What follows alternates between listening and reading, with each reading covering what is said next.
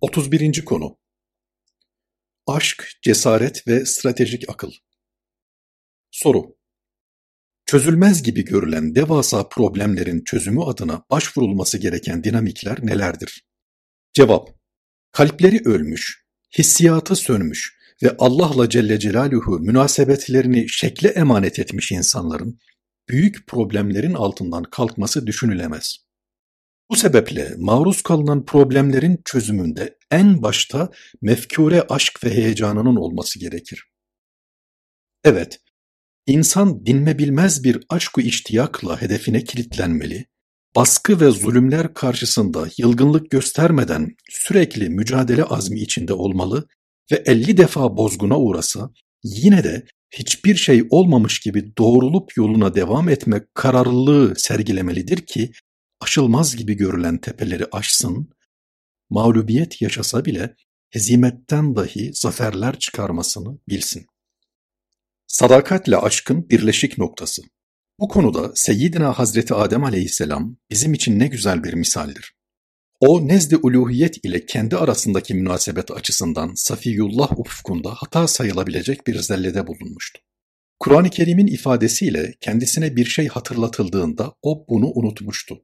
Fakat önemli olan hata ettikten veya unuttuktan sonra ümitsizliğe kapılmadan hemen ona Celle Celaluhu yönelip bana bir daha bu hatayı yaptırma Allah'ım diyebilmektir. Hazreti Adem işte bunu yapmıştı. Sıhhatli hadis kitaplarında yer almasa bile yine de itimat edilebilecek kaynaklarda onun işlediği hatadan dolayı 40 sene başını semaya kaldırmadan hicab içinde Cenab-ı Hakk'a yalvarıp yakardığı rivayet edilir.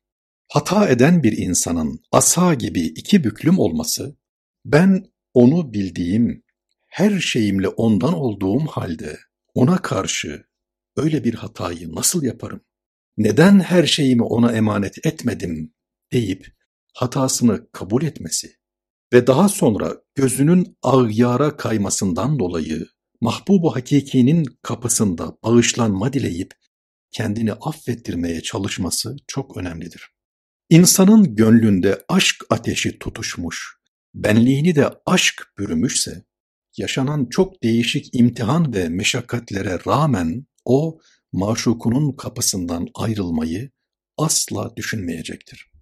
Aşk, insanın Allah'la irtibatının unvanıdır. Kalbinin sürekli onunla ittisalidir. Vuslat arzusuyla burnunun kemiklerinin sızlamasıdır.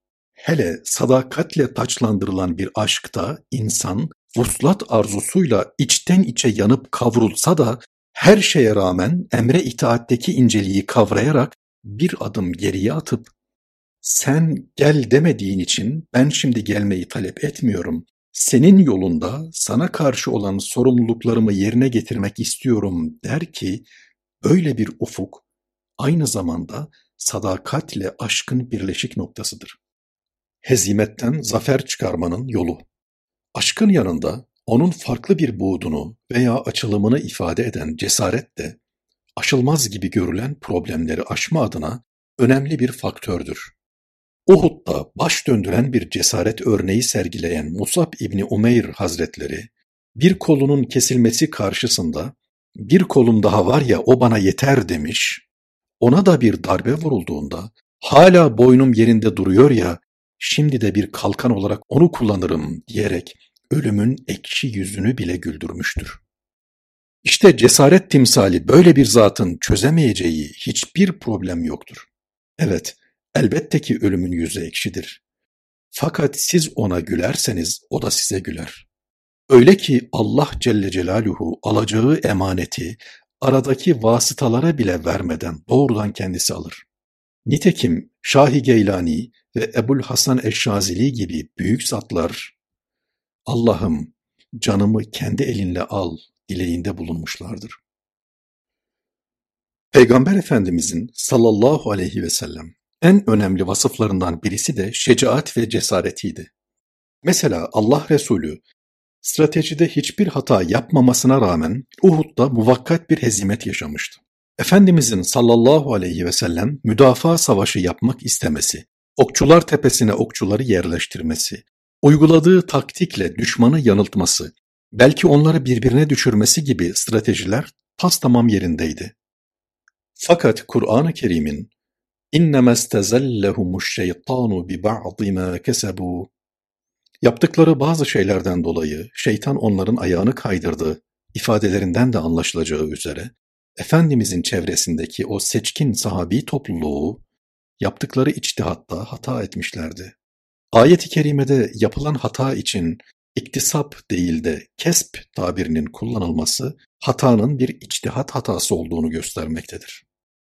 Evet, bazı sahabe efendilerimiz emre itaatteki inceliği kavrayamamışlardı ve neticede muvakkat bir hezimet yaşanmıştı. Fakat Allah Resulü sallallahu aleyhi ve sellem yaşanan bu muvakkat hezimeti zafere çevirmişti. Düşünün ki Uhud'un hemen akabinde Ebu Süfyan ordusunu toplamış ve Mekke'ye doğru yola koyulmuştu.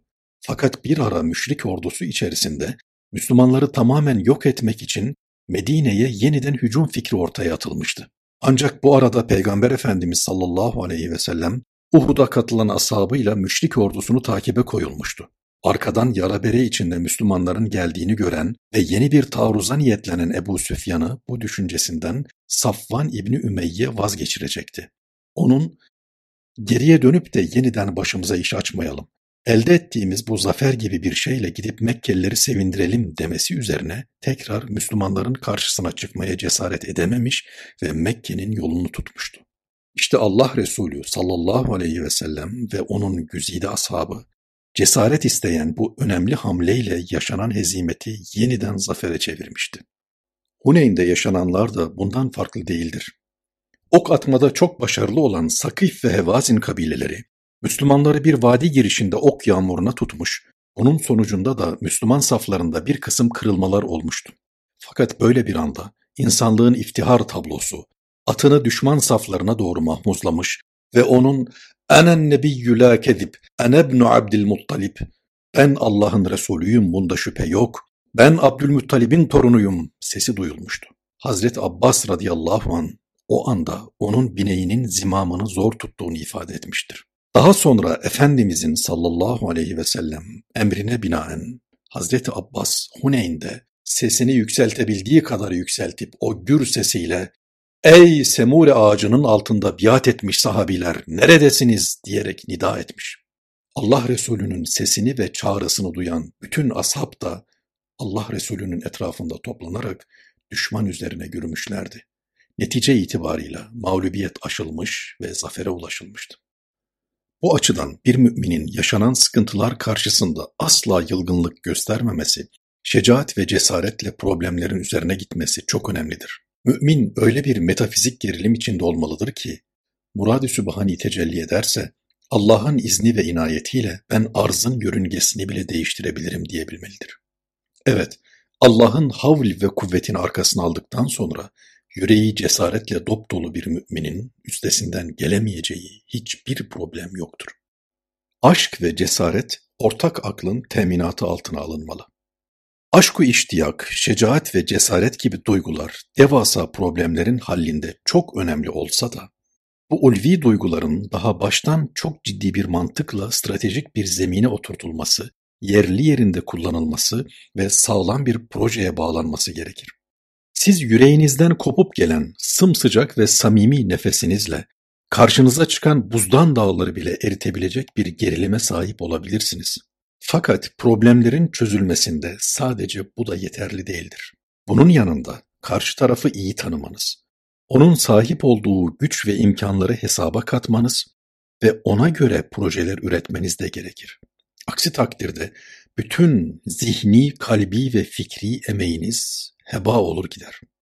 Hele bir de sizin etrafınızda mütedahil daireler şeklinde düşmanlıkla hırlayıp duran insanlar varsa, siz koskocaman hasım bir cephe ile karşı karşıya bulunuyorsunuz demektir. Her bir düşmanlık cephesinin kendilerine göre çok ciddi hesapları ve size karşı mahvedici projeleri varsa, bunların bazısı bazısıyla anlaşıyor. Bu projelerin bir kısmı diğeriyle örtüşüyorsa, sizin çok daha temkinli olmanız ve teyakkuzla hareket etmeniz gerekecektir. Çünkü kendi aralarında bir saf-ı vahid teşkil eden iç içe geçmiş düşmanlık daireleri, siz farkına varmadan hiç beklenmedik şekilde balyoz gibi tepenize inebilir.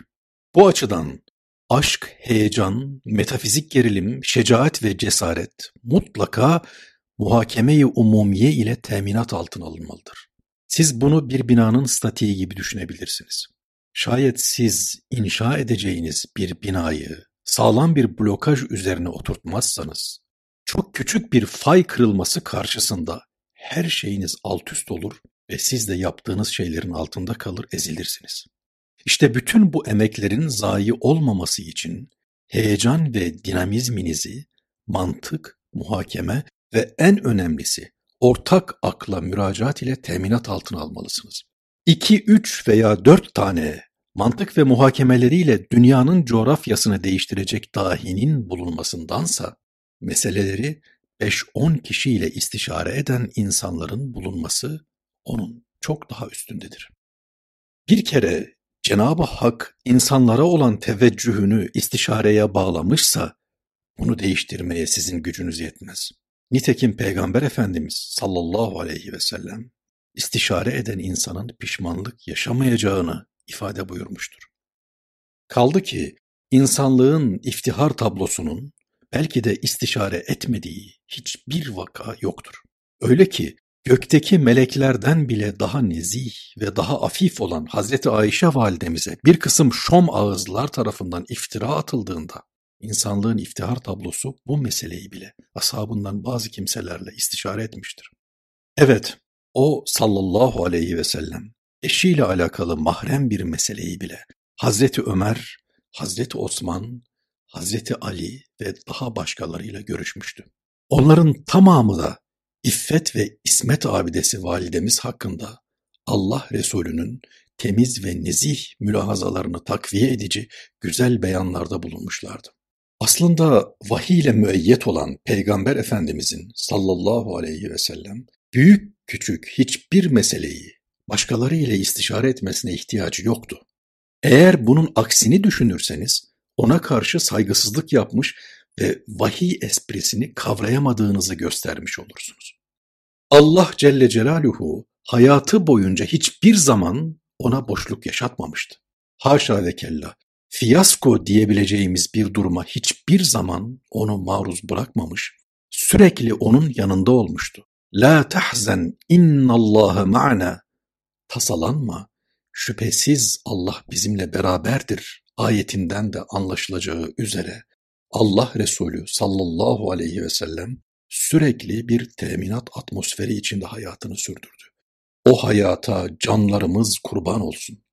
Buna rağmen o en küçük meselelerini bile hep istişare ederek çözmüş ve ümmetine de nasıl hareket etmeleri gerektiği konusunda rehberlik yapmıştır. Bu açıdan diyoruz ki, özellikle umumu alakadar eden meseleleri ortak akla müracaat ederek çözüme bağlamak, dahi olmanın kat kat üstündedir. Bazen de siz üzerinize düşen her şeyi yaparsınız. Bir tek problem karşısında bile A'dan Z'ye her şeyi hesaba katarak alternatif planlar geliştirirsiniz. Fakat bütün bu tedbirlere rağmen Z'nin ötesinde hiç hesaba katmadığınız problemler karşınıza çıkabilir ve kısmen kırılmalar yaşanabilir. İşte böyle bir durumda da asla yese düşülmemelidir. Şu an itibarıyla Müslümanların yaşadığı coğrafyada maalesef hazımsızlık ve çekememezlikten kaynaklanan, her an kırılmaya müheyya bulunan faylar bulunmaktadır. Bu açıdan bazı durumlarda siz hesabınızı ne kadar sağlam yaparsanız yapın, yine de bir kısım beklenmedik olumsuzluklarla karşılaşabilirsiniz. İşte bu durumlarda asla yese düşülmemeli. Bundan öte yapılacak bir şey yok. Biz bittik artık gibi iradeyi felç eden menfi mülahazalara girilmemelidir. Zira Hazreti Pir'in ifadesiyle yes, mani her kemaldir. Mehmet Akif de yes öyle bataktır ki düşersen boğulursun. Ümide sarıl sımsıkı seyret ne olursun. Azmiyle ümidiyle yaşar hep yaşayanlar, meyus olanın ruhunu, vicdanını bağlar. Lanetleme bir ukdeyi hatır ki çözülmez, en korkulu cani gibi yesin yüzü gülmez ifadeleriyle bu hakikate dikkatleri çektiği şiirinin başında ümitsizliğe düşene şöyle hitap ediyor. Ey dipdiri meyyit, iki el bir baş içindir. Davran sana, eller de senin, baş da senindir. Kurtulmaya azmin niye bilmem ki süreksiz, kendin mi senin, yoksa ümidin mi yüreksiz? Hasılı, başı dönmüş, bakışı bulanmış bazı kimseler sizin en masumane hizmetlerinize engel olmak isteyebilir ve tekerleğe çomak sokabilirler. Fakat elli türlü komplo kurulsa da Allah'ın izni ve inayetiyle katiyen ümitsizlik yaşamamalı, sarsılmamalı ve hep Elif gibi dimdik durmalıdır. Uhud'u, Huneyn'i yeniden zafere çevirmenin yolları aranmalı ve fevç fevç dehaletlere vesile olabilecek inanç Kâbesine, inanç Mekke'sine doğru yürümeye devam edilmelidir. Maruz kalınan komplolar karşısında yılmamalı. Çıkan engeller, tıkanan yollar karşısında vira bismillah deyip meselenin farklı alternatifleri aranmalıdır. Hak yolunda bulunuyor olsa ve samimiyetle talep etse de, insanın her istediği, her arzuladığı kendisine hemen verilmeyebilir. Yaşanan sıkıntıların hikmetini bilemeyiz. Fakat kim bilir, belki de çekilen bu sıkıntılar neticesinde Cenab-ı Hak bu Necip Anadolu milletine daha önce lütfettiği güzelliklerin kat katını lütfedecektir. Gün doğmadan gecenin bereketli döl yatağında neler doğar, aktif sabır içinde bekleyip görelim.